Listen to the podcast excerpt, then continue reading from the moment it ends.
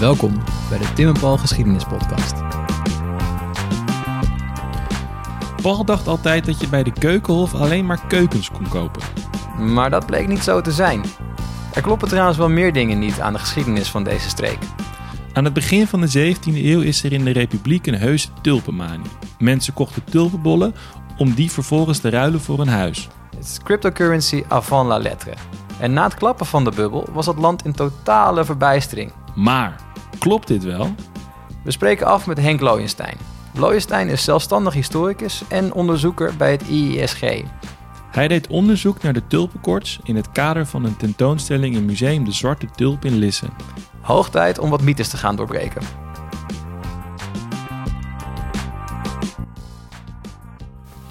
Paul, Goedemorgen Tim. in een enigszins bekend zaaltje. Ja, ja. Eh, maar we gaan iets heel leuks, dat zeggen we altijd eigenlijk. Iets ja, heel leuks jezelf doen. gast, hè, dus Ja. dan is het altijd leuk. Ja. Maar we gaan mythes doorbreken vandaag. ja. Eh, en ik, ik kan niet wachten. Nee, Maar wie hebben we aan tafel we zitten? zitten hier aan tafel met, eh, met Henk Looyenstein en dokter Henk Looyenstein. En ehm, wat we gaan doen vandaag, we gaan praten over een hele belangrijke soort flora. Ja. We hebben over de tulp. ja, iedereen denkt dat het Nederlands is. Ja. Eh, en het bekende verhaal is natuurlijk dat er een soort van gekke tulpomanie op, op, opkwam. Eh, gekke beurskracht. Ja. Eh, dat iedereen tulpen wilde hebben. Ja. En volgens mij gaan we dat beeld vandaag een beetje bijstellen. Hè? Klopt dat? Ja, dat klopt. Oké. Ehm, Waar Ja. moeten we beginnen? nou ja, je begon over mythe, dus laten we daar maar mee beginnen. Ja. De mythe van de tulpenmanie, de tulpengekte. Het woord Ja. manie zegt het al. Eh, het is iets irrationeels. Ja. Zo is het heel lang neergezet. Eigenlijk al vrij snel. Ja. Ehm, maar ja, als je dus goed gaat kijken wat er eigenlijk plaatsvond, dan is het eigenlijk allemaal niet zo eh, irrationeel, niet zo Hmm. dwaas. Het is helemaal niet zo gek. En eh, het verhaal van die gekte is vooral verspreid door een 19e-eeuwse journalist. Ah, Een beroepsgroep waar wij historici toch een wat moeizame verhouding toe hebben. Eh, vooral als ze dus eh, het verhaal belangrijker vinden dan de waarheid. En dat is dus wat er gebeurde met die 19e-eeuwse journalist. Dat is ook wat leuk. In sowieso de 19e eeuw, dat halen we vrij vaak aan. Ja. Dat is toch wel elke keer, als er iets gebeurt in de 17e eeuw, dan wordt het eigenlijk voor altijd dat In het de onthouden is 19e, dat ja. het 19e eeuws eh, En is. Heel inderdaad, het wordt iets uit de 17e eeuw, iets uit de Nederlandse geschiedenis van de 17e eeuw wordt heel vaak eh, door eh, eh, buitenlandse, meestal Anglo-Saxische eh, schrijvers en journalisten opgeblazen. En dat is dus ook gebeurd met ja, het verhaal van de tulpenkoorts. Dat Mm. werd dus het, het verhaal van mensen die een grachten springen. Je kon een grachtenpand kopen voor één tulp. Mensen waren helemaal gek van tulpen Ja. en verloren dus hun gezond verstand uit het oog. ja. En dat verhaal is heel invloedrijk geworden. Dat was een Schotse journalist die dat eh, eh, verhaal eigenlijk de wereld inbracht. En hij baseerde zich wel op oudere literatuur, die al een beetje dat eh, benadrukte. Maar hij verzon er heel veel bij. En dat verhaal is dus heel veel, heeft heel veel invloed gekregen in de Engelse, Anglo-Saxische wereld. ja. Ehm, omdat hij ook schreef over de grote bubbel van 1720. En e- eh, vroege economen gebruikten dat boek dus om hun studenten nou ja, te vertellen van eh, eh, wat, eh, over de irrationali- irrationaliteit in de economie. Wat is een bubbel en hoe, eh, hoe komt zoiets tot stand, zeg maar. En daar wordt het elke keer het voorbeeld van de tulpen werd daar gebruikt. Van, Ja. Want wat, Ja. wat was 1720 ook weer? Er was iets in Engeland, of niet? In 1720 heb je dus een, een, eh, ja, ook een, een, een enorme aandelenkoorts, speculatie in aandelen. Ja. Eerst in Frankrijk, dan in Engeland Ja. en dan ook in Nederland, in de Republiek. Ja. En eh, dan zie je dus dat eh, in Engeland en Frankrijk leidt dat dus tot eh, dramatische gevolgen. Omdat de overheid zich daarmee, nou ja... Een soort IJslandbank. in, ging. ja. Ja, zoiets inderdaad. Alleen dan dus in de vorm van koloniale compagnie. ja, oh. En dus in Frankrijk was dat de Mississippi... Of zeg ik dat goed? Ja, de Mississippi Compagnie. En in Engeland was dat de South Sea Company. ja, de South Sea, Bubble Bubble, is ja. het. Ja, Precies, de. South Sea Bubble. Ja, En eh, Nederland, eh, Nederland was toen al eh, was toen een financieel eh, eh, knooppunt. ja. Dus heel veel Nederlanders belegden al in dat soort speculaties. Maar die wisten dus beter dan die Fransen en de Engelsen van nou, geld eh, investeren en dan gauw je winst te halen en dan de boel weer verkopen. Hmm. En toen is het in Nederland ook, eh, is ook zo'n speculatiekoers ontstaan. Die heeft ja, eh, uiteindelijk ook heel veel pennen in beweging gebracht. Maar uiteindelijk waren de gevolgen relatief beperkt. Hmm. Omdat uiteindelijk eh, eh, in sommige gevallen, ook daar had je dus steden die hun eigen compagnie gingen bedenken. Zoals Den Haag. ja. Maar op een gegeven moment eh, liep dat dus op niets uit. En toen heeft eh, de, eh, de Haagse, het Haagse stadsbestuur gezegd... van nou iedereen krijgt zijn inleg weer terug, want dit wordt niks. Dus dat is op die manier goed opgelost. Ja, ja. En er zijn toen ook in Nederland eigenlijk heel weinig mensen die er echt last van hadden. Wel mensen die het schip ingingen. Maar bijvoorbeeld bijna geen mensen die failliet waren en, of failliet gingen. En dat waren trouwens meestal avonturiers uit Engeland. Die dan hier ook een beetje een, hoopten hun slag te slaan. Dus, eh, maar dat ging dus helemaal fout. Maar Ja. goed, Even terug naar die tulpen. tulpen, Ja. tulpenkort. Misschien Ja. is het goed om heel eventjes iets te zeggen over het klassieke verhaal van tulpen. Niet uit Nederland, wel in Nederland. eh, en nu een soort Nederlands symbool. Maar het komt er ergens anders vandaan. Ja. Kan je dat heel kort schetsen? Is dat het Ja, lastig om aan een historicus te vragen? Ik, ik ga maar- een poging wagen. Kijk, de tulp is, is kort eh, gezegd een exoot in Nederland. Die komt er helemaal niet vandaan. Het is een bergbloem oorspronkelijk. Die komt eh, oorspronkelijk voor in het Paarmeergebergte en is met Turkse stammen meegetrokken naar het westen. Die namen ze mee, want vonden het een leuke bloem. En die Turken waren dus in de 16e eeuw bezig in Istanbul en Constantinopel eh, om tulpensoorten te kweken. En na heel veel oorlog met Europa ontstaan er handelscontacten in die 16e eeuw. Met onder andere ook de Nederlandse handelaren in Antwerpen, Zuid-Nederlandse handelaren in Antwerpen. En dan uiteindelijk natuurlijk ook de Nederlanders vanuit Amsterdam en andere noordelijke steden. En die gaan dus op een gegeven moment dan dus ook tulpen invoeren. En dat heeft dan weer te maken met het feit dat er in die tijd enorm veel nieuwe gewassen naar Europa komen. Omdat ja, al die Europese handelsvloten eh goedschiks of kwaadschiks de hele wereld overtrekken en daar wat ze Van meenemen. alles meenemen, Ja, wat ze ja. van alles meenemen. Ja, tomaten uit Zuid-Amerika, aardappelen. Ehm, nou ja, natuurlijk hè, beroemde specerijen uit Ja. Indië. Maar wat ze dus ook doen is allerlei, allerlei bloemen meenemen. En de tulp is daar eigenlijk één van. En de top was al- altijd ook toen al eh, gewoon een sier.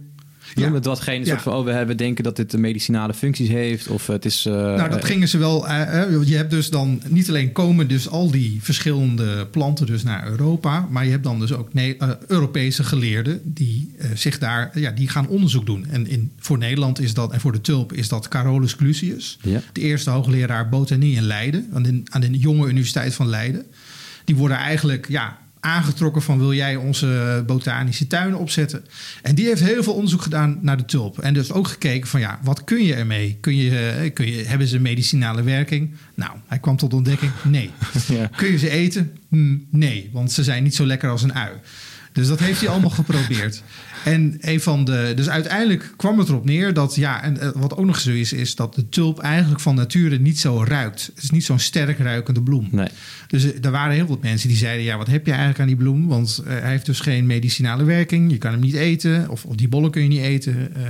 Hij ruikt eigenlijk niet. Ja, het enige is dat hij dus mooie kleurtjes kan krijgen. Ja, en, maar ook maar drie maanden per jaar, toch? Nou, drie maanden als het maar zo ja. was. Nee, maar het meestal maar dan hebben we het echt bloeien. Doet, die, doet een tulp afhankelijk van het, van het weer buiten. Drie tot vier weken. En dan is het Ja. voorbij. Ja. Dus ook dat was dus een kritiekpunt van, eh, van ja, eh, wat, ze bloeien ook nog maar een tijdje. En waarom zou je dan zoveel herrie maken over één bloem in je hele tuin? Terwijl er zoveel andere zijn. Eh, maar ja, dat heeft er dus mee te maken dat de tulp een heel bijzondere karaktereigenschap heeft, of, of ja, soorteigenschap. Dat is namelijk dat hij heel snel een nieuwe eh, variant eh, tevoorschijn kan krijgen. En dat heeft dan weer te maken met een, eh, ja, om een lang verhaal kort te maken, er zijn verschillende manieren. Maar de, de belangrijkste is eigenlijk dat je hebt een zogenaamd virus, dat is een mozaïekvirus. Dat wordt overgebracht op bladluis. En dat is waarschijnlijk al aan de tulp verbonden geraakt. Of die bladluis is waarschijnlijk al aan de tulp verbonden geraakt in tuinen. Zodra de tulp in tuin is gekweekt, dan eh, ontstaan er dus ja, opeens allerlei eh, bijzondere kleurtekeningen in zo'n tulp, die er voorheen niet waren. Want eh, de tulp ah, is aanvankelijk een, eigenlijk een heel klein, onooglijk bloempje. Met meestal gewoon één kleur en misschien een randje met een andere kleur. Ja. En wat je dan krijgt in die, in die Turkse bloemen, eh, bloementeel, eh, tulpenteelt, maar dus ook in, in, in Nederland in die 17e eeuw, krijg je dus hele mooie, eh, ja, bijna mozaïekachtige, bijna als marmerachtige patronen Mm. in de bloem. Ja. En dat vond men dus verschrikkelijk Bijzonder. mooi Een mooie, ja. in, in de 17e eeuw. Want ja, marmer, dat was dus de meest nobele steensoort. Want je had hele hiërarchieën, wat was mooi. ja. Ja, ja, En marmer was het mooiste steen. Dus een bloem die eruit ziet met een ja, gemarmerd patroon. Dat, Dat- vond men dat- je van echt. Het einde. En je had bijvoorbeeld een ander voorbeeld. Gemarmerd papier is dan een nieuwe uitvinding in de 16e eeuw. Is ook enorm populair in de 17e eeuw. Nou ja, zo is dus die tulp krijgt dan dus op een gegeven moment een enorme aandacht ja, in die, in die eh, opkomende Nederlandse economie. Hè, mensen verdienen geld, die willen dat uitgeven. En dan gaan ze dus die tulpen kopen, want die hebben dan dus inmiddels een zekere waarde gekregen, omdat zoveel mensen ze zo mooi vinden. En, en hoe werkte dat dan? Want je had het over zeg maar, Turkse telers. Ik zie me voor dat er dan gewoon een soort van tulpenvelden zijn of zo. Waar ze die bollen dan, weet ik, weet niet precies. Maar gebeurde dat dan al ook in Nederland? Of was dit echt iets wat je steeds moest blijven importeren? Uh, nee, het is op zich. Um, er is niet zo heel veel bekend over een duurzame of een langdurige import van tulpen uit Turkije in die tijd. Wat je wel ziet is dus dat mensen in, uh, in de Nederlanden... die gaan er zelf tulpen kweken. En daar ontstaat een handel in. En al heel, heel snel, al aan het begin van de 17e eeuw... komen zelfs buitenlanders al naar Nederland... om daar dus tulpen in te kopen. Ja. Uh, dus er ontstaat al heel snel een, een, ja, een soort plaatselijke teelt. En dat begint eigenlijk heel simpel. Gewoon men, in een tuin. En mensen wilden ook niet... En mensen, ten eerste kon dat ook vaak niet... Um, want ja, een tulp uh, die, die een muziekvirus heeft, is eigenlijk ziek. Dus die, kunnen, die heeft dus een veel lagere productie, of uh, hoe zeg je dat, voortplanting. Ja, ja, ja. Uh, kans. Mogelijkheid, kans dan een gezonde tulp. En mensen wilden dat ook helemaal niet. Ze wilden iets bijzonders. Dus ze waren, zaten er ook helemaal niet, waren niet op gebrand om dan die tulp met dat prachtige patroon eh, in enorm te vermenigvuldigen. Nee, want dan, dan verminder niet je de waarde natuurlijk. Ja. Nou ja, niet alleen de waarde. Ja. maar De waarde was toen nog, in het begin van die zevende eeuw... is het niet zozeer monetair als wel ja, gevoelswaarde... van dit is mooi, dit is speciaal. Mhm. Dit is iets wat je kunt Exotisch verzamelen. misschien. Exotisch, Ja. exact. En diezelfde tijd dat de stulpen heel populair worden... zie je hetzelfde met schelpen Ja, ja. uit het eh, Indische Oceaangebied. En die worden dus geïmporteerd door de VOC. Hè? Dus ja, nou ja, vandaag de dag zou je zeggen bloedschelpen. ja. Ehm, en, en dat is dan heel bijzonder. En wat je dan niet wil, is, is tien Daar- dezelfde schelpen Ja, of tien dezelfde ja, ja. tulpen. Je wil een paar bijzondere het, exemplaren. moet- het moet echt uniek blijven. Ja, ja. en die gingen dan mensen dus. Het, het, het is ook iets dat wordt dan dus geteeld door, ja, door liefhebbers. Dus mensen die hier tijd voor hebben, die dus eh, ruimte voor hebben. en dus geld hebben, inderdaad. Dus het is vooral een elite bezigheid. Ja. En eh, koop, eh, rijke kooplieden in Amsterdam doen dat dus ook. Ehm, ik ben even kwijt wat ik nu ook alweer precies wilde zeggen. Nou, dan, het ging dus over de teelt en over eh, zeg maar de import. En, en je zei dat er dus niet een langdurige structurele import was van die tulpenbollen Ja. vanuit Turkije. Maar Ja. dat je dus eigenlijk op kleine schaal ziet dat mensen daarmee aan de slag gaan. En het ook proberen ja, voor Ja. zichzelf te houden misschien. Ja, nou ja, ze gingen wel ruilen eerst. eh, met, met, eh, met andere gelijkgestemde liefhebbers, zoals Ja. dat heette. En op een gegeven moment van, ja, dan zijn de mensen, eh, als, je- als, je, als eh, iemand zei, ja, maar ik wil niks van jou. En dan zei die ander van, ja, maar ik wil het toch hebben. Kan ik niet van je kopen? Nou, ja, zo is dan dus uiteindelijk, ja, tenminste, dat weten we niet zo, maar dat, nemen we aan. Ja. Dat zo is er dan een handel in ontstaan. Maar wat jij ook wilde weten was eigenlijk van, ja, die, tulpen, eh, die tulpenvelden zoals wij die nu kennen, Oh ja, ja. die waren Ja, dus de, helemaal de keukenhof van La Lettre in Nee, Istanbul, nee. dat is er nog niet. Eh, nou, eh, nee, die was er niet. Behalve misschien de tuinen van de sultan. Ja. Maar daar kwam je niet zo heel makkelijk binnen.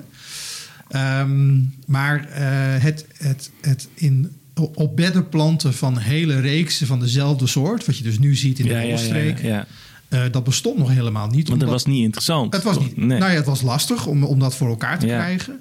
Maar het was ook niet interessant. Ja. En die tulpen die, dan, eh, die wij dus tegenwoordig gewoon op het veld hebben staan... die had men in die tijd waarschijnlijk ook niet... Ja, sommige vi- hadden ze wel mooi gevonden.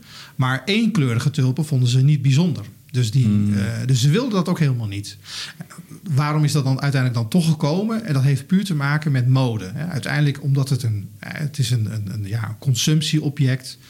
eh, een statusobject zou je kunnen zeggen pas rond 1800. Dan krijg je dus een andere tuinmode. Dan wordt in plaats van die, die keurig aangeharkte Franse tuinen... met allerlei vierkante ja, onderverdelingen... zoals je die bijvoorbeeld nog hebt op Paleis het Loo...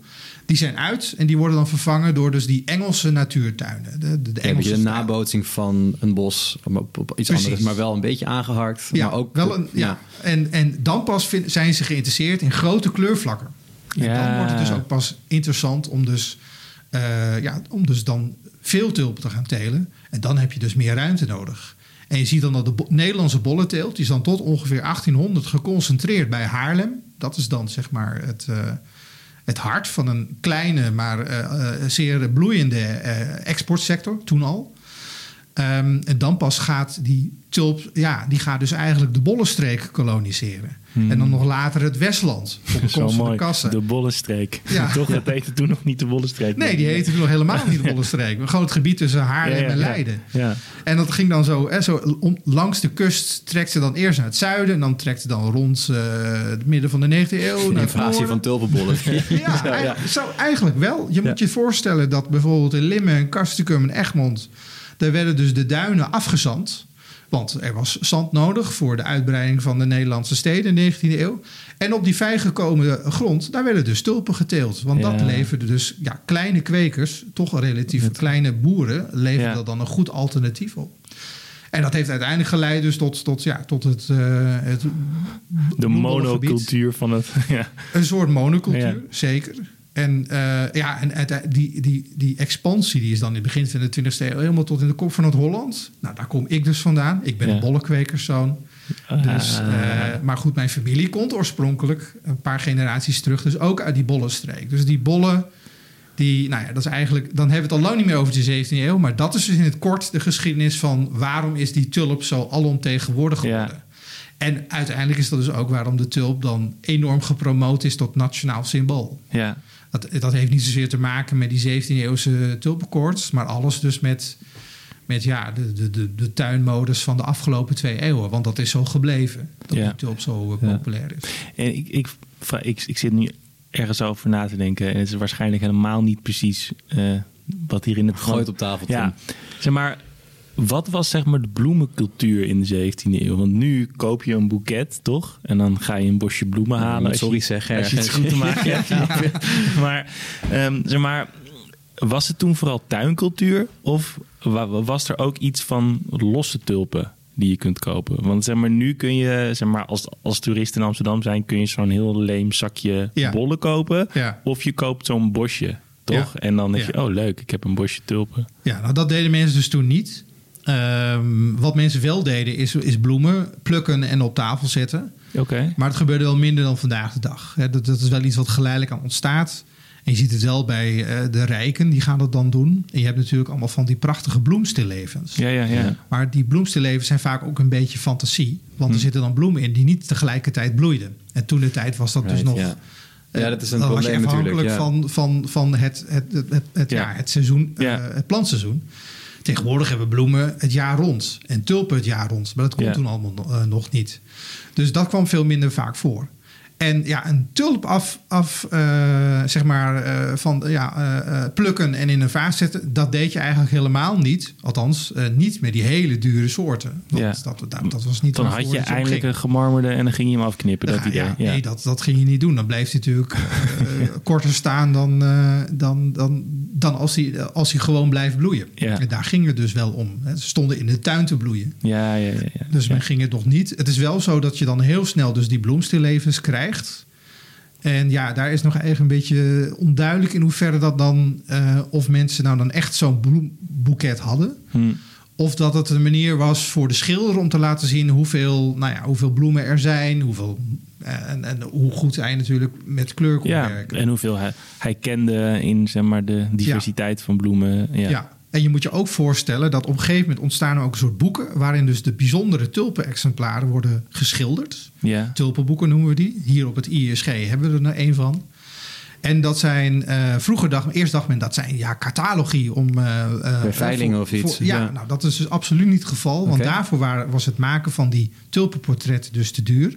En er werden ook vaak eh, ja, bekende kunstenaars voor gevraagd. Het zijn En- prachtige tekeningen over het algemeen, toch? Ja. Prachtige tekeningen. En In het Frans Halsmuseum hebben ze een boek met een tekening van Judith Leister uit 1643. En dat heet dan ook het tulpenboek van Judith Leister, hoewel ze alleen die tulp heeft geschilderd. Maar goed, hè, je, dat, je moet het een beetje verkopen. En dat zijn dus eigenlijk tulpenportretten. Maar tegelijkertijd, want eerst dacht, hè, want ik heb samengewerkt aan een tentoonstelling over de tulpenkorst die dus nu loopt. Samen met de eh, conservator Annemarie Vels-Heijn. En zij keek dan naar die tulpenboeken. En zij zei dus van ja, maar een hoop van die, hè, want tulpenportretten zeggen ja, maar het zijn heel vaak, ze zijn gewoon overgenomen. Dus zit hetzelfde tulpenportret zit in meerdere boeken. Hmm. En dat heeft dus weer te maken met dus die verzamelaarsdrang van die 17e eeuwse eh, welgestelde Nederlanders. Het gaat niet alleen om de bloem zelf, je kunt dus ook afbeeldingen verzamelen. Dus zo'n tulpenboek is eigenlijk ook een verzameling. Ja, Zo moet je ja, het eigenlijk ja. zien. Hè, dus een schilderij met bloemen erop, dat is dus ook, kan ook een verzamelobject zijn. Ja. En dat heeft dan op zich niets te maken met de werkelijkheid De van weerga- hoe, ja. hoe die- hoe die bloem eigenlijk eh, eh, bloeit. Ja. Oké. Ehm, nu dan toch terug naar de bubbel. Ja. Want er, er- we hadden natuurlijk in het begin, helemaal het begin, er is een mythe en die is nu Ja. dus Ja. nou, behoorlijk afgezwakt. Ehm, maar die, die mythe, en dat, is, dat gaat echt helemaal gek. Hè? Er worden tekeningen gemaakt van mensen die eh, met een, met, eh, als een soort gekken door, door de straat lopen, omdat ze hun, hun hele huis en alles kwijt zijn. Daar, dus die, die beelden ken ik nog van de prenten en zo. Maar er, Ja. is, er is wel iets aan de hand, toch? Er is absoluut iets in de hand. En daarom noem ik het tulpenkoorts. Ja. Want eh, de- de- wat er gebeurt in die vroege 17e eeuw, zo in de periode tussen 1600 en 1636, 1637, en wanneer het tot een, echt tot een hoogtepunt komt, dan ontstaat dus een situatie waarin eh, mensen gaan handelen in tulpen. Dus het wordt een handelsproduct. Het is niet alleen maar weer. Het zijn de eerste mensen die dat gaan doen, zijn dus de liefhebbers zelf. Die gaan dan dus, wat ik, wat ik zei, van Ja, ze gaan ze verkopen. Je raalt eerst je bol, maar zegt nee, deze wil ik niet. Ik Ja. geef je toch Ja, wat geld zoals voor. Pokémon kaarten. Precies, toch? gaat eerst, kleine Eerst schaal. krijg jij mijn Charmander en Ja. dan Ja. wil je En dan- daar geld voor. Precies, en dan, nou, dat blijkt dus dat je daar best leuk geld mee kunt verdienen. En dan ja, gebeurt er eigenlijk wat alle kooplieden, eh, ondernemers, zullen maar zeggen, doen. In alle tijden. Van nou, dan, hè, als er eentje zoiets wil kopen, wil een ander dat misschien ook. ook wel, ja. En ontstaat dan dus eigenlijk een tulpenhandel. Ja. En je ziet dus dan, hè, want de, de vraag naar die bijzondere tulp, die neemt toe. Eh, want men vindt dat dus heel erg mooi. En niet alleen tulpen dus, hè, ook wat ik al eerder zei, ook schelpen en andere bijzondere objecten. Daar ontstaat een grote vraag naar. En het aanbod is vooralsnog beperkt. Dus die prijzen stijgen. Ja. En dat gaat dus door tot, eh, ja, tot in de jaren 1630. Dan zie je echt wat behoorlijk hoge prijzen voor tulpen. Niet voor alle, maar dat weet de, hè, de, de, de- alleen de experts weten dat dan nog. Maar eh, ja, die, gaan, die prijzen gaan dan zo hoog worden. Heb je daar een voorbeeld van hoe dat zich ontwikkelt? Is het dan eerst een soort van brood wat je ervan van, ja, kunt kopen en dan wordt het inderdaad een huis? Of? Nou, van, van meet af aan is het nooit... Hè, een brood is veel goedkoper dan een tulp al was van meet af aan. Maar wat je wel gaat zien is dat in, in eerste instantie nog tamelijk bescheiden bedragen op zich. 50 gulden. Voor een, een bijzondere bol. Maar je moet je wel voorstellen, 50 gulden, maar het gemiddelde jaarinkomen van een onderwijzer in die tijd was 300 gulden. Ja, ja, ja, ja, ja, dus dat was gewoon niet weggelegd voor... eh, Een onderwijzer. voor, eh, nou, zo, voor het gros van de bevolking Ja. was dit absoluut niet weggelegd. Nee. Maar die prijzen gaan dan wel stijgen. En dan heb je het al gauw over honderden guldens per bol. En dan eh, op het hoogtepunt, dan bereiken we dus dan bijna ja, een paar duizend gulden voor hele bijzondere bo- bollen. Hm. Ehm, dat is dan rond 1636. Ja. Eh, Maar wat je dus ziet is dus van het wordt dus heel interessant om... eh, de tulp wordt een soort van ja, een, een- object wat je, waar je winst mee kunt maken. En dat gaan mensen ook doen. Er ontstaan de eerste bollenkwekers. Die gaan, eh, dat zijn tuinen die gaan zich specialiseren in die tulpen. Door die groeiende vraag en door die ho- hogere prijs. En sommige van hen die had, had- ja, brachten het er goed van af, zullen we maar zeggen. Er was er eentje bij, een van de vroegste bollenkwekers... die eh, tot aan zijn dood allemaal land bijkocht in Haarlem. Op, op grond daarvan kunnen we aannemen dat hij eh, een Een goed goedlopend eh, ja, bedrijf had. En je ziet dan dus ook dat ehm, er op een gegeven moment ontstaat er handel. In, niet, aanvankelijk is die handel gewoon... jij staat in de tuin met je rijke buurman... en die wil iets van je kopen. Maar op een gegeven moment gaat die handel zich verplaatsen naar herbergen. Dat gebeurt in Amsterdam, dat gebeurt in Haarlem... dat gebeurt ook in andere plaatsen in, in Holland en in Utrecht. En dat is een, een teken van eh, dat het een serieus te nemen eh, ja, eh, product wordt. Ja. Want dat gebeurde. Hè, mensen denken nu altijd aan de beurs van Amsterdam. Maar de meeste handel werd eigenlijk gewoon gedreven in her- herbergen. De meeste kooplieden die, die hadden misschien een paar mensen in dienst, maar ze hadden geen grote kantoren. Dus als jij wilde handelen, kon je naar de beurs, maar dat was maar twee uur op een dag open. Dus de rest van de tijd zat je dan vaak in een herberg. En dan wist je op een gegeven moment wel in welke herberg je moest zijn om graan te verkopen of te kopen. Ja, ja, ja, ja, ja. Eh, of haring te kopen of te verkopen. En dus uiteindelijk dus ook tulpen. En nou, dan hebben we het al over zo'n 16, 1635. Die clubjes in die herbergen, die gaan zich dan ook weer eigenlijk formeren. Dus dan kom je erbij en dan heb je een voorzitter. en Die leidt de, de veiling als het, als het ware, want men gaat dan ook veilen. En je hebt dan iemand die houdt de transacties bij. Nou, dat is allemaal een vorm van professionalisering. Ehm, en ondertussen blijven die prijzen stijgen. Nou, en dan aan het einde van het jaar 1636, dan schieten die prijzen opeens omhoog. En dat blijft zo tot eh, nou, begin februari 1637. En het is een beetje onduidelijk vaak van, eh, want dat werd eigenlijk niet opgeschreven eh, eh, door, de, ja, door de chroniekschrijvers van die tijd, van wat er nou precies gebeurde. Hm. Maar het meest waarschijnlijke is dus dat er was zoveel vraag en het was zo verleidelijk om je tulpen te verkopen. Dat het clubje van, van liefhebbers, kooplieden, die wisten wat ze deden en wisten wat ze aan hadden. Die dachten van ja, oké, eh, eh, eigenlijk wil ik zeg maar die, die gewonere tulpen niet hebben. Maar er zijn anderen die ze wel hebben. Dus laten we die gaan verkopen. En dan zie je dus dat mensen dus die tulpen gaan kopen.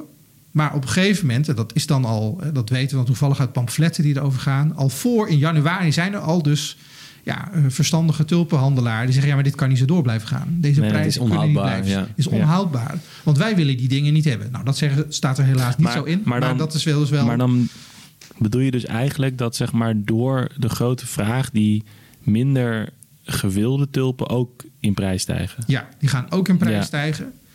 Die worden dan vaak niet per bol verkocht, maar per gewicht. Wat Ja. enerzijds een teken is ook weer van professionalisering van die handel. Maar anderzijds ook een veegteken. Eh, want ja, het gaat dus niet meer om bijzondere tulpen. Of- Nee, het wordt nu een massaconsumptie. Ja, ja, ja. Maar ja, dat, dat gaat net even te ver. Het is Ja. nog niet een massa, eh, want dan zou de prijs echt bijzonder dalen. Maar dat is wel iets wat men dus al verwacht. Van, ja. Maar sommige van die, eh, die soorten die wij nu verkopen, die willen wij eigenlijk niet hebben. Nee, dus, dus die waarde is dan kunstmatig of zo. Die waarde, die, ja, nou ja, goed, kijk, waarde is altijd lastig. Ja, ja. Een econoom eh, zal zeggen, waarde is wat jij ervoor geeft. ja, De gek, eh, ja, wat de gek ervoor geeft. Wat de gek ervoor geeft. Ehm, wat trouwens ook al iets is, eh, het wordt, er wordt al kritiek geleverd op die tulpenhandel en dan wordt dat dus ook genoemd. Ja. Roemer Visser die schrijft dan, die heeft een mooi boek uitgebracht met prenten en gedichtjes. En dan staat er bijvoorbeeld een afbeelding van een tulp. En dan staat erbij een, eh, een gek en zijn geld zijn haast gescheiden. Oftewel, zijn, en een gek is snel zijn geld kwijt. Nou ja, dat heb je dus ook al in die tijd.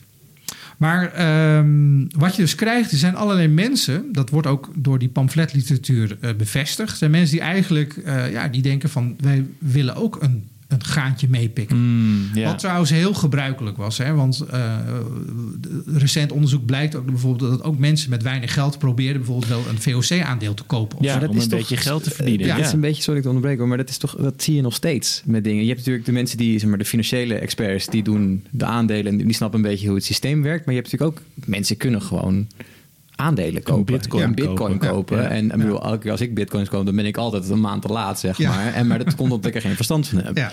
En dus het is, in dit geval is dat natuurlijk dat is een soort gewoon menselijk eigen of zoiets. Die denken, nou, hier kunnen we Ja. misschien wat, wat uithalen. Het is een mooi, mooi voordeel wat, je, wat we kunnen pakken. Dus laten we ook maar... Nou ja, het, het is, iets, het is inderdaad de mens eigen. Maar het is ook iets wat, je, wat natuurlijk ook verband houdt met de opkomst van het handelskapitalisme. Mhm. Ja. Dus het feit dus dat, je, dat, dat goederen makkelijk kunnen worden uitgewisseld, zoals dat dus kon in de 17e eeuw en steeds makkelijker werd, dat leidt ertoe ook toe dat mensen zich, ja, die gaan daar dus ja, gebruik van maken. En wat dan eh, in het geval van de tulpenkoorts eh, ja, lijkt te zijn gebeurd, is dus dat men dus op een gegeven moment bijvoorbeeld, je had een soort die heette Zwitsers.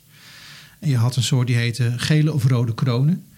En dat waren soorten die, die waren al dus blijkbaar relatief gezond. En eh, daar waren er blijkbaar ook al heel wat van. Die werden dus ook verkocht per eh, gewicht en niet per bol. En op 3 februari 1637 dan stokt de handel met precies bollen van, we weten niet precies welke, want men wist dat in die tijd zelf al niet meer, maar of die ge- eh, witte of rode kronen, gele of rode kronen, of Zwitsers, Zwitsers. daar ging het fout. En dat is dan in Haarlem, op, in, in zo'n herberg op 3 februari 1637. Dan eh, is al een beetje onrust. En die, die, die tulpenhandelaren zijn bij elkaar. De floristen, zo werden ze in die tijd genoemd. Ja.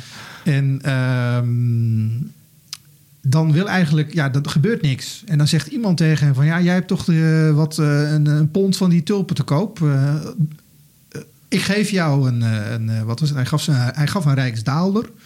Dus dat was een aardig sommetje in die tijd. En dan ga jij die partij tulpen aanbieden. Nou, dat deed hij voor 1200 gulden. Niemand wilde het hebben. Nou ja, nou ja, hier heb je de twee. Ga het nog een keer proberen. En nou, toen zakte de, eh, de, degene die het eh, aanbod eh, had, die zakte in prijs naar 1100 gulden. Niemand wilde het hebben. Voor, nou, drie maal een scheepsrecht zou je kunnen zeggen. Dus nog één keer geprobeerd, kreeg hij drie rijksdaalders. Toen zakte hij naar 1000 gulden en weer wilde niemand het hebben. En toen had men door van, oké, dit is niet in orde. En dat verspreidde zich als een lopend vuurtje door Haarlem. Waar toen de tijd de meeste tulpenhandel plaatsvond. En van Haarlem verspreidt zich dat dan ook naar de andere steden. Waar werd ge- ge- ge- gehandeld in tulpen. Iets wat ik nog niet heb gezegd bijvoorbeeld... wij denken bij tulpen dan aan een ja, soort van platteland. Als je de Bollenstreek nog platteland kunt noemen. Maar eh, in die tijd, eh, zoals alle, eh, alle exotische dingen, worden verhandeld. En, en, en dus is de, zijn de steden eigenlijk Ja, ja. De, de- het hartland van Het die, van die waar die, ja. niet alleen waar de tulpen groeien, maar ook waar ze, Ze verhandeld, verhandeld worden, werden. ja. En dan zie je dus al heel snel, dus, ja, dan ontstaat er eigenlijk een soort kracht. Ja, En men weet eigenlijk niet zo goed wat men moet. Dus, dus dan vanaf ongeveer 10 februari tot begin april heb, vind je ook in de, in de, eh, de rechtszaken van de stad Haarlem vind je niks over tulpen. Dat heeft een van eh, nou ja, de, de grote. De, de, schrijfster van het standaardwerk, eh Anne Goldgar, heeft daar onderzoek naar gedaan. En die zegt: Nou ja, je vindt dan dus niks.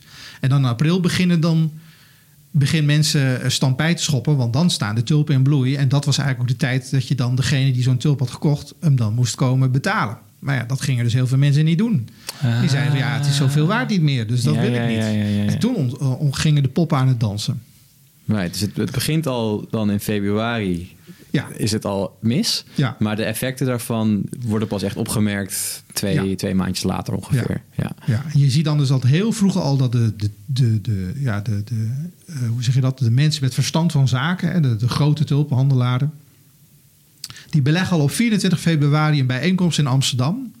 Zo'n Die zien- paniek eh, vergadering. Ja, Ja. echt wel. Om, om dus kartelvergadering, Nou ja, jongens. die zien het al aankomen. Die zeggen van ja, weet je, die, die tulpen, eh, niemand wil ze meer hebben. Dus dan wordt, een eh, dan wordt voorgesteld door een Haarlemmer, eh, een koopman, om dus alle transacties vanaf eh, het najaar van 1636 eh, ongeldig te verklaren.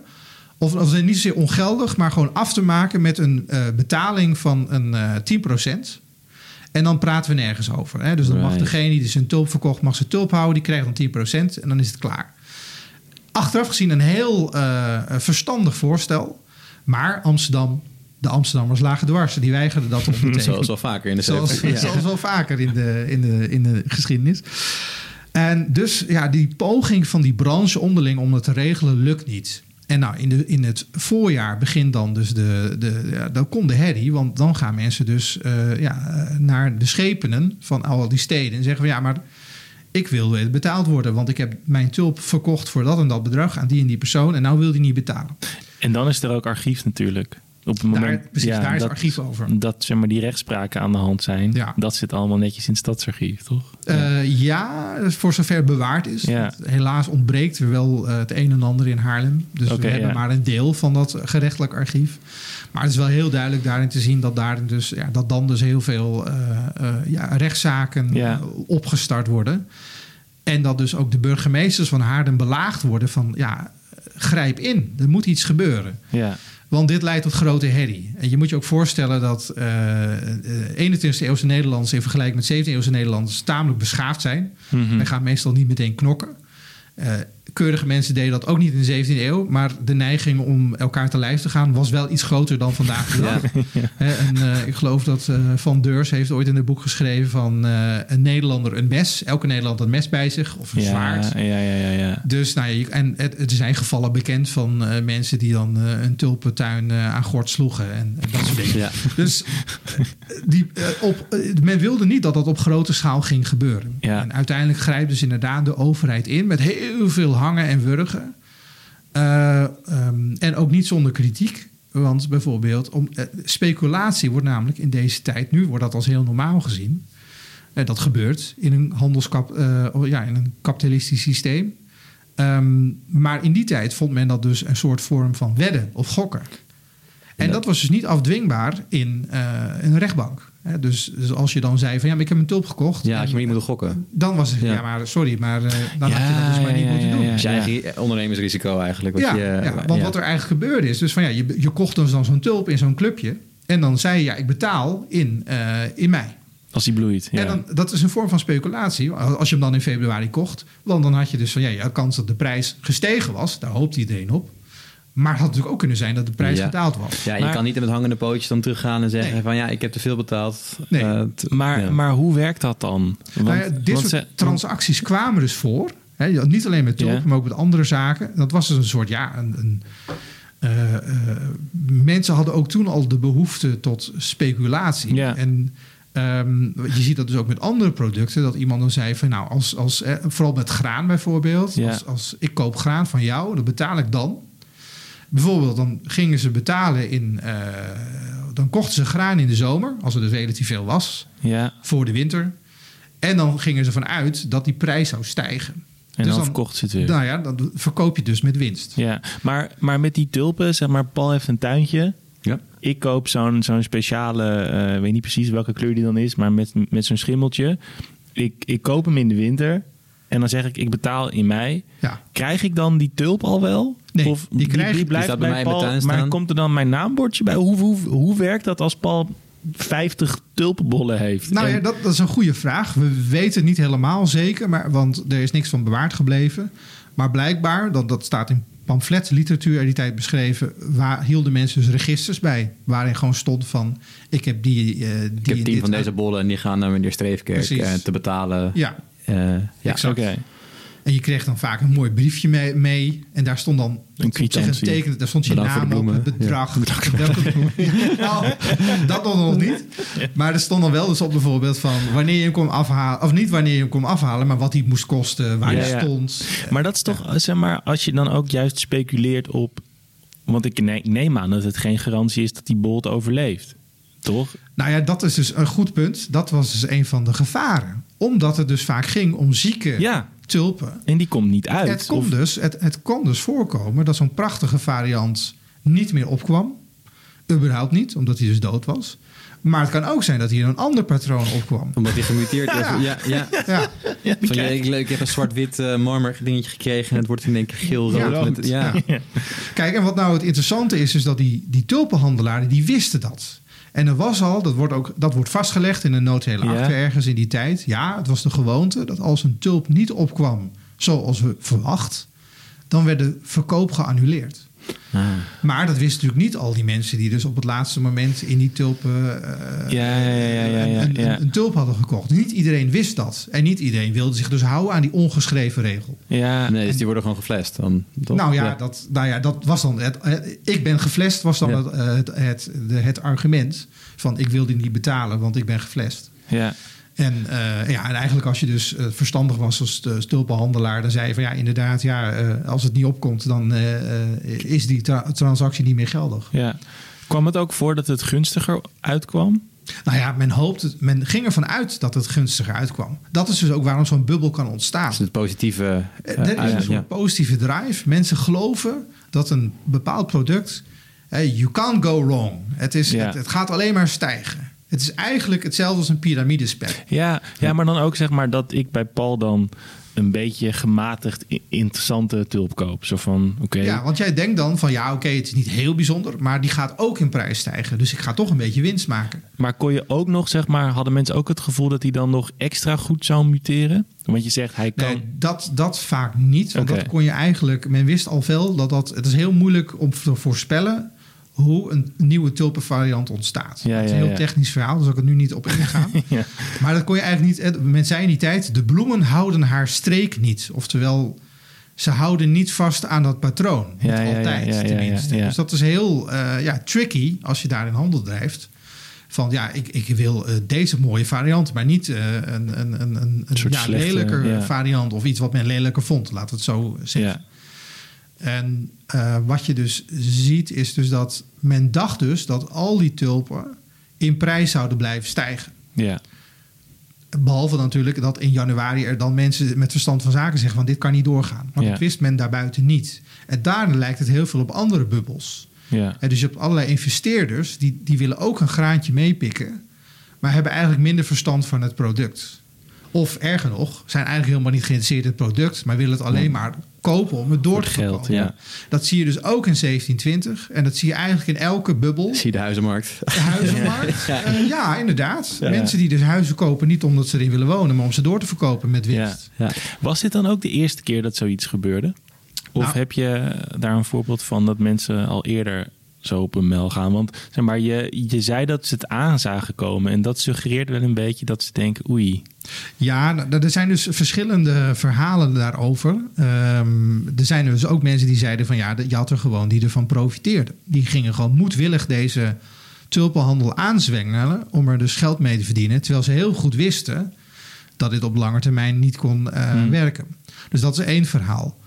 Ehm, je vroeg net ook van is het eerder gebeurd? Eh, ja, speculatie is, eigenlijk, speculatie is eigenlijk verbonden aan alle vormen van handel. Hmm. Zo, tenminste, zodra het gaat om termijnhandel. Dus om handel waar, jij iets koopt, maar de levering is pas veel later. En dan zie je dus al in, in de 16e eeuw Amsterdam. Zie je ook al speculatie in graan. Dat dan dus nog. Dat staat dan, dat noemt men in het groenen. Dus men verkoopt graan dat nog in de Bal, het Baltisch gebied op, eh, in Polen op, op de velden staat. Groen dus. Verkoopt men dan al in Amsterdam. En dat is natuurlijk een vorm van speculatie. Want los van het feit dat je dus niet weet of de Deense koning weer eens met de Zweedse koning gaat vechten. en dan er geen graanschepen komen uit Polen. Ehm, waardoor dus, eh, dan, als je dan wel al graan hebt, dan schiet het omhoog en dan schiet de prijs omhoog. Maar als je dat dan niet hebt, dan heb je dus een probleem. En je ziet een vergelijkbaar iets met haring. Dus ook haring werd al verkocht nog voor het gevangen was. En dat komt dus omdat het zeg maar eh, ja, relatief massaproducten waren. Ja, Waarvan men ook wist van, nou ja, er is dus weet het, een bepaalde eh, vraag naar. Dat werd overigens ook al afgekeurd in die tijd. Hè? Want graan opkopen op een moment dat het goedkoop was om het te verkopen als het duur was. Nou, wanneer is het duur? In de winter of eigenlijk aan, de voor, eh, eh, aan het begin van de lente. Want dan zijn de voorraden op ja, of dreigen die op te raken. En wie is daar de dupe van? Jan met de pet. Ja. Want het brood is het belangrijkste volksvoedsel. Ja, je moet je mensen eten geven. Precies. Ja. ja. Dus eh, de kritiek daarop was op, op graanspeculanten is van ja, die drijven de prijs op en dat maakt de arme mensen alleen nog maar armer. Hm. Ehm, ook dat klinkt misschien best wel bekend, eh, Ja. denk ik zo. Nou, waarom trekt dat dan met die tulpenkoorts nou juist zo de aandacht? In tegenstelling tot, tot graan en eh, Haring, haring. ja. Want er waren dus al van die speculatiegolven, van die bubbels zou je kunnen zeggen. Maar het is die tulpenkoorts die dus... een ja, dat was eigenlijk de eerste algemeen besproken bubbel... eh, waar we ook relatief veel, eh, ja, toch relatief veel archief en eh, eh, eh, eh, archiefmateriaal en literatuur over hebben. En die pamfletten natuurlijk. Die pamfletten dus. Ja. Nou, dat heeft dus alles te maken met het feit dat die tulp zo'n raar product is. Ja, je hebt het niet nodig om te overleven. Exact. Je kan prima je hele Ja. leven leiden zonder ooit een keer een tulp gezien te hebben. Ja. Maar toch? Ja. En er zijn ook mensen die zeggen al lang voordat het begint... die zeggen van ja, waarom zou je zoveel herrie maken over die tulp? Er zijn zoveel andere mooie bloemen. Ja. Ja. En je hebt dan allerlei pamfletten al... waarin dus al wordt gezegd van nou ja, doe niet zo raar. Eh, waarom... eh, mensen die, die, die alleen maar een tuin hebben om, om drie weken naar één tulp te kunnen kijken. Terwijl er is zoveel meer. Ja. Dat, dat zijn letterlijk eh, kritiekpunten die er dan ook zijn. En ook dus kritiek op het feit dat die tulpenprijzen zo hoog worden. Van ja, waar betaal je nou eigenlijk voor? ja, voor twee weken. Ja. Ja, dus en dat is uiteindelijk ook een beetje vanuit die kritiek ontstaat dus ook dat idee van, van een manie, Ja. van een gek. Gekte. Ja. Want iedereen want is gek. dit, is niet, dit is niet normaal. Nee. En terwijl een econoom zou zeggen, of een economisch historicus, eh, die zou zeggen van nou ja, op zich is dit gewoon, ja, er is gewoon vraag. Een en hele er is logische aanbod. Dus dit is een logische ja. ontwikkeling. Ja. En dat er dus die bubbel in ontstaat, dat is dus ook prima te verklaren. Dus eh, mensen, het is niet zo dat mensen hier zich als een, als een, zoals een soort gek opwierpen. Nee, mensen waren gewoon bezig om te kijken van ja, waar kan ik nou een beetje geld mee verdienen? Ja. En dat deed, dat deed je dus van hoog of laag. Van Deurzen beschrijft het al in zijn prachtige boek over het dagelijks leven in de Gouden Eeuw. Een Nederlander liet zijn geld niet in een oude sok zitten, want ja, dan verdien je er niks mee. Ja. Dus eh, er is dus een situatie eh, ontstaan in die vroege 17e eeuw, waar gewoon een groot deel van de bevolking heeft een beetje geld over en wil daarmee ja, investeren. Ja. En Wil dat meer deels- maken. Ja. Die willen meer van maken. Ja. En nou ja, dat gaat dus met die tulpenkoorts. Dus bis, zou je Ja. kunnen zeggen. En uiteindelijk loopt het allemaal een beetje met een sisser af. Omdat dus die, eh, de, de, de, de rechtbanken en de overheid zeggen van dit, is geen af, dit, dit zijn geen transacties die afdwingbaar zijn in de rechtbank. Wij beschouwen dit niet als legitieme handel. Omdat het dus die speculatie erin zat. Omdat Ja. het eh, go- gegokt geld is Het, het, eigenlijk. het ja. gaat dus om wedden en gokken. En Ja. daar had men dus uit christelijk oogpunt moeite mee. En eh, nou ja, het voert een beetje ver om, om daar heel erg diep op in te gaan. Maar dat was eigenlijk, het gebeurde gewoon. Ja. Want Ja. ook dat is eh, iets wat mensen al van oudsher doen. gokken en wedden. ja, het mag niet, Ja. maar we doen het toch. Ja. We doen- ja, Ja. precies. Maar hè, bijvoorbeeld een van de dingen die gebeurde is dat je bijvoorbeeld eh, wedden dat eh, de koningin een jongetje kreeg over Ja. negen maanden. Ja. Ja. Nou, dat, daar stonden dus eh, strenge straffen op als dat uitkwam. Want eh, nou ja, de eh, vorsten hielden er niet van als op hun leven werd gegokt. Want het gebeurde ook bijvoorbeeld. Ik werd met jou dat over de maand eh, keizer Karel dood is. Nou, daar kon je dus voor op het schavot komen. Maar het gebeurde even goed. Dus, eh, hè, dus overheden houden hier niet van. Die, vinden dit geen, die vonden dat dit niet deugde. En er zijn ook allerlei... De hele 17e eeuw door zijn er dus ook eh, eh, wetgeving tegen... eh, het handelen in VOC-aandelen die je niet hebt. Wat dus ook een vorm van termijnhandel is. Hè. Jij, ik verkoop een VOC-aandeel Ja. aan eh, Tim Steefkerk. ehm, eh, ehm, die ik koop van Paul. Ja. En, maar Paul moet, moet eerst nog dat, die aandeel aan mij overnemen. Dus ik heb het idee van, nou, ik kan van Paul wel een aandeel kopen... en dan ga ik het voor, aan Tim doorverkopen voor iets meer geld. Ja. Nou, dat mocht dus niet van de overheid. Maar het gebeurde op grote schaal en viel uiteindelijk ook niet meer tegen te houden. En zo is dus uiteindelijk dus, ja, hè, is dus... De VOC, oké. Nou ja, het, het Amsterdamse beurskapitalisme, Ja. hè, de handel op de beurs, is, eh, al, dit, is, dit is gewoon dagelijks praktijk nu. Op ja, dit is gewoon een tussenhandelaar, toch? Die, Ja, eh, precies. ja. Je bent tussenhandelaar. Je brengt vraag en aanbod samen. Maar zo zag men in, dat in die tijd nog dus niet zo. Nou ja, uiteindelijk loopt het dus allemaal met een sisser af. Omdat ehm, de overheden zeggen van... eh, die gaan dus geen partij kiezen, maar die gaan dus aandringen. Dat, dat was eigenlijk altijd... Ja, wat was nou eh, de eh, one size fits all oplossing van een 17e-eeuwse eh, stadsbestuurder... die natuurlijk ook niet op zat te wachten dat de boze menigte zijn huis in elkaar kon slaan. Nee. Die zei van ja, jullie moeten je met elkaar verzoenen. Je moet met elkaar een compromis sluiten. En eh, nou ja, goed, dat... eh, Klinkt ook wel heel Nederlands. dat klinkt heel erg Nederlands, ja. inderdaad. Je moest gaan polderen. En, en dat was dus, daarom was dus eigenlijk dat voorstel van die 10% helemaal niet zo gek. Want uiteindelijk met heel veel vijf en zes, omdat het uiteindelijk toch niet goed lukt. Ja. Nou, op een gegeven moment eh, steden als Haarlem en Alkmaar, die dan een jaar later zijn we dan inmiddels, begin 1638, dan wordt er een soort commissie opgericht vanuit eh, de stad. Met mensen die niks te maken hebben met die tulpenhandel. Want je had ook mensen die er niks mee te maken hadden. En die gaan dan, dan worden dus de zaken die dan voor de rechtbanken worden gebracht, worden dan naar hen doorverwezen. En uiteindelijk bepaalt de stad Haarlem voor de Haarlemmers van eh, elke tra- tulpentransactie wordt nu afgemaakt op 3,5 procent. Dat noemt men een rouwkoop. Dus jij als, als koper moest dan 3,5% betalen aan de verkoper die dan ook zijn tulp mocht houden. En dan was de zaak afgedaan. En dit was ook, dit was ook gewoon standaard procedure in handel. Eh, Je kocht iets, maar je wilde het achteraf toch niet hebben. Nou, dan moest je dus een rouwkoop betalen. Maar goed, niet iedereen wilde dat. Dus, Ja. eh, dus men bleef... eh, Maar dan, ja. maar dan met terugwerkende kracht is die 10% inderdaad. was dat veel beter Ja, geweest. voor de handelaar, ja. ja. En je ziet ook van, dat is natuurlijk ook weer een gevolg van de tijd. In die tijd is Nederland gewoon heel erg gedecentraliseerd. Dus de ene stad deed dit Ja. en de andere Mm. stad deed het Ja, wat anders. ze in Haarlem doen wil niet zeggen dat ze dat ook in, in Leiden Nee, inderdaad... nee, eh, en dat was doen. natuurlijk het Ja. probleem deels. Hm. Maar goed, uiteindelijk eh, het verhaal dus van, van nou ja, mensen sprongen van wanhoop in de grachten, want ze waren eh, hun geld kwijt. Ehm, eh, dat is een bedenksel uit de 19e eeuw. Dat kwam dus niet voor. Er ging Nee. eigenlijk niemand failliet. En van die paar mensen waarvan historici nou hebben kunnen vinden dat ze actief waren in de tulpenhandel en failliet gingen, een paar jaar later over het algemeen, dan was, eh, dan was die tulp maar een onderdeel van een Hmm. veel groter eh, Ja. probleem. Namelijk Ja. dat ze dus, eh, weet ik veel, te veel hadden gespeculeerd met huizen en daar Ja. te weinig geld Ja, precies. Het is gewoon een klein onderdeeltje van en niet... Precies. niet, daar, ja. Dus niet door die tulpenkoorts elk Het is wel een, een mooie. ehm, je hebt natuurlijk ook het verhaal van de, de grote eh, jaren 30, jaren 20 eh, economische crisis. Dat mensen ook natuurlijk in New York van hun gebouwen afspringen omdat ze hun geld kwijt zijn. Wat ook niet echt. Nee, nee. Het zijn misschien wel, Ja. er zal ongetwijfeld iemand naar beneden gesprongen zijn, Ja. maar dat ging ook niet massaal. Dat is natuurlijk hetzelfde wat je zegt. Mensen springen in de gracht omdat ze hun geld Ja. kwijt zijn. Mensen springen van hun wolkenkrabber af. Ja, nee. Nou ja, dat, ik heb dus ook voor over, eh, over de gebeurtenissen van 1720 in Nederland geschreven in Hmm. een ander boek. En daarin behandel ik dus inderdaad ook al die, eh, dit soort verhalen. En dan zie je dus dat hè, mensen gingen van massaal failliet. Nee, dat waren dus die, die enkele speculant uit Engeland. Die gingen dan failliet. Ja, Maar die smeerde hem gewoon. Die liet dan allemaal schulden achter. Ja, Zo ging dat in die ja. tijd. mazzel. Ja. Ja. ja.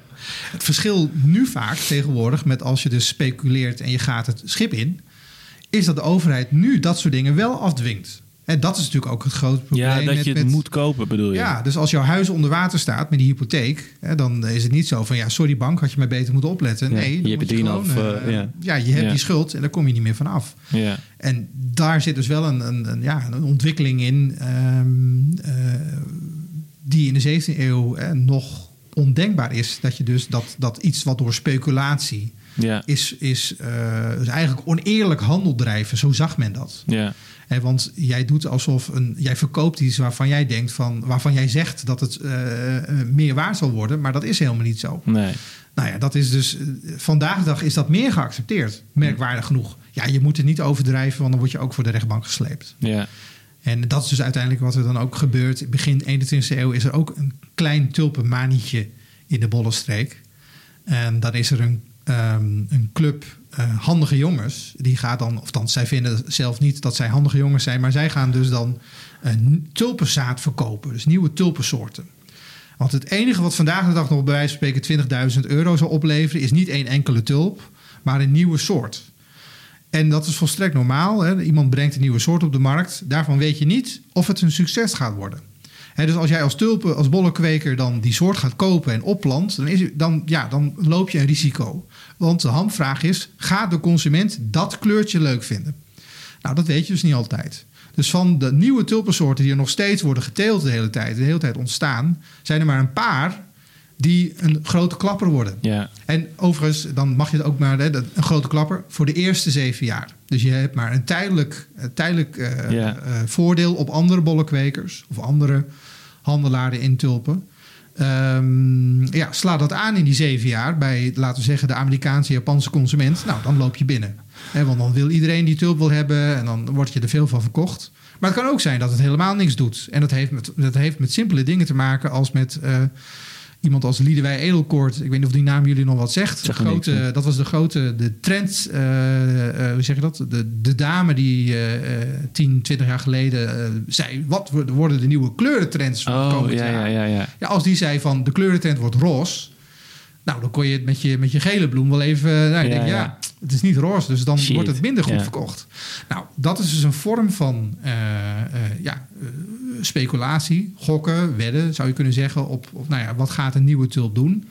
Die is volledig geaccepteerd Ja. in de bollenwereld. Want ik Maar wat ook- gingen die ja. handige jongens doen? Die gingen daarmee de boer op. En die gingen dus ook allerlei mensen met geld benaderen. Van ah, je moet hierin investeren. Dat is heel mooi. En dan heb je ook verhalen in de, in de pers. Misschien ook wel een beetje... eh, eh, Sensationeel gemaakt. sensationeel gemaakt. geïnspireerd door het eh, voorbeeld van onze schot uit de 19e eeuw. Van eh, ja, mensen staan daar met hun pumps eh, in, de, in de modder op een uh, bollenbedrijf Ja, om ja, dat ja. bollen te kopen. Maar er zijn dus inderdaad mensen die daar dus eh, eh, de- door ja, Maar dat, dat zijn. waren dus, ze gingen bewust eh, zich richten op de mensen die niet zoveel te maken hadden met de bollen. Maar wel, wereld, zeg maar. wel die zaten niet zelf in die industrie, maar die hadden wel geld. Ja, Ja, Ja. ja. makkelijk doelwit dan, toch? Mm, Ja. Ja, ja, nou ja, het waren meestal mensen met heel veel geld. Dus Ja. je zou verwachten dat die beter wisten. Maar eh, ja, het- een nieuw product, een product waar jij niet, geen kennis van hebt... ehm, dat kan dus rare dingen doen. Ja. En dat, daarom zie je ook van bij vaak die bubbels ontstaan dus ook met nieuwe producten. Ja. Ja. Tulp, eh, aandelen van, van compagnieën die nog maar net zijn opgericht. Tesla bijvoorbeeld. Tesla, eh, Twitter, internet. Facebook, Ja. Ja. eh, zelfs Google Ja. geloof ik. Zeg ik dat goed? Amazon, daarvan wordt, werd, wordt, wordt gezegd, of werd gezegd dat het ook eigenlijk heel weinig winst maakte.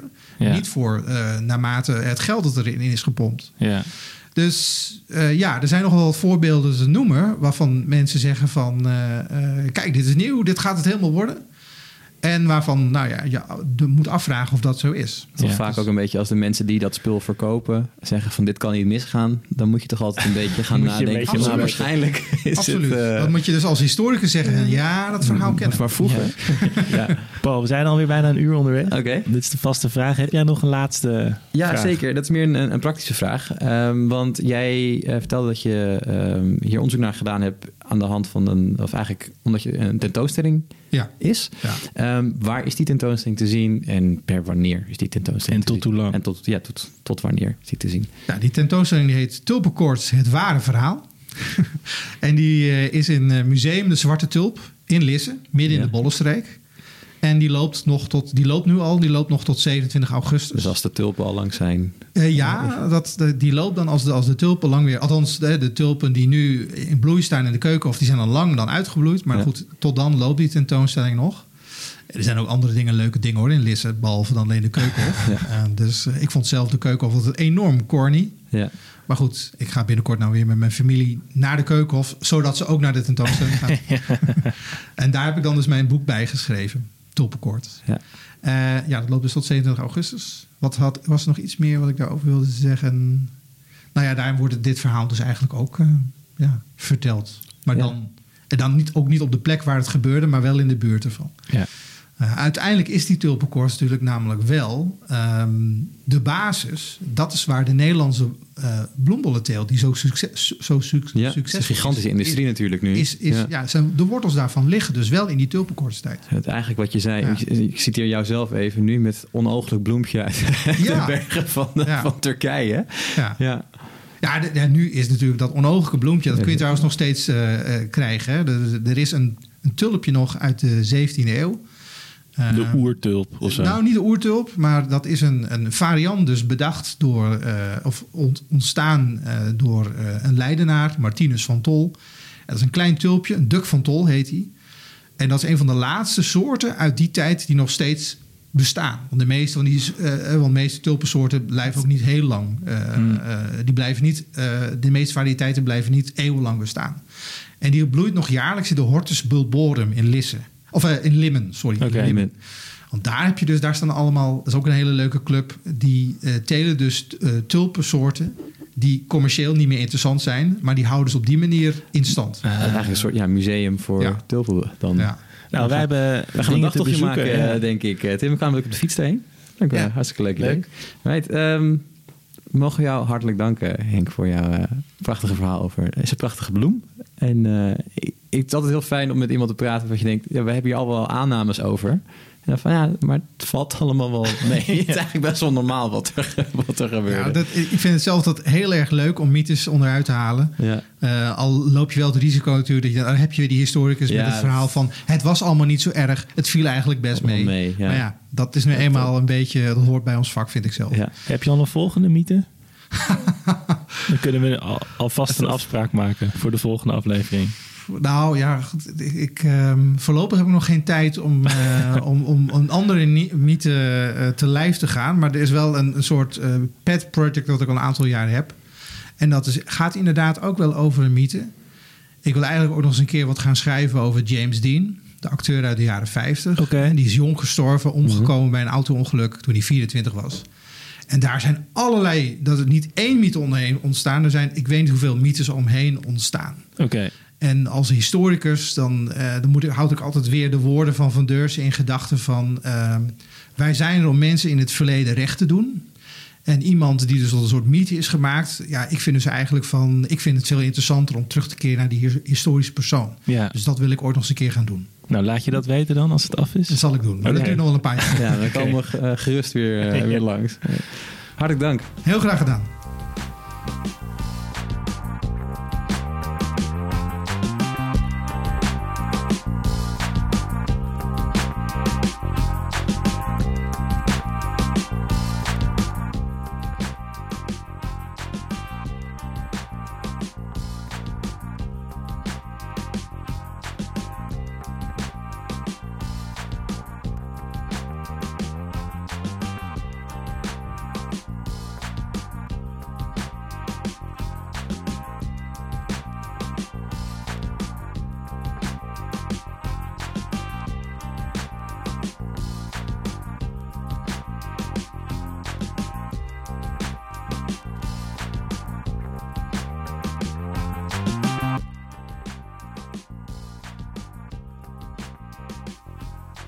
Je luisterde naar de Tim en Paul Geschiedenis Podcast.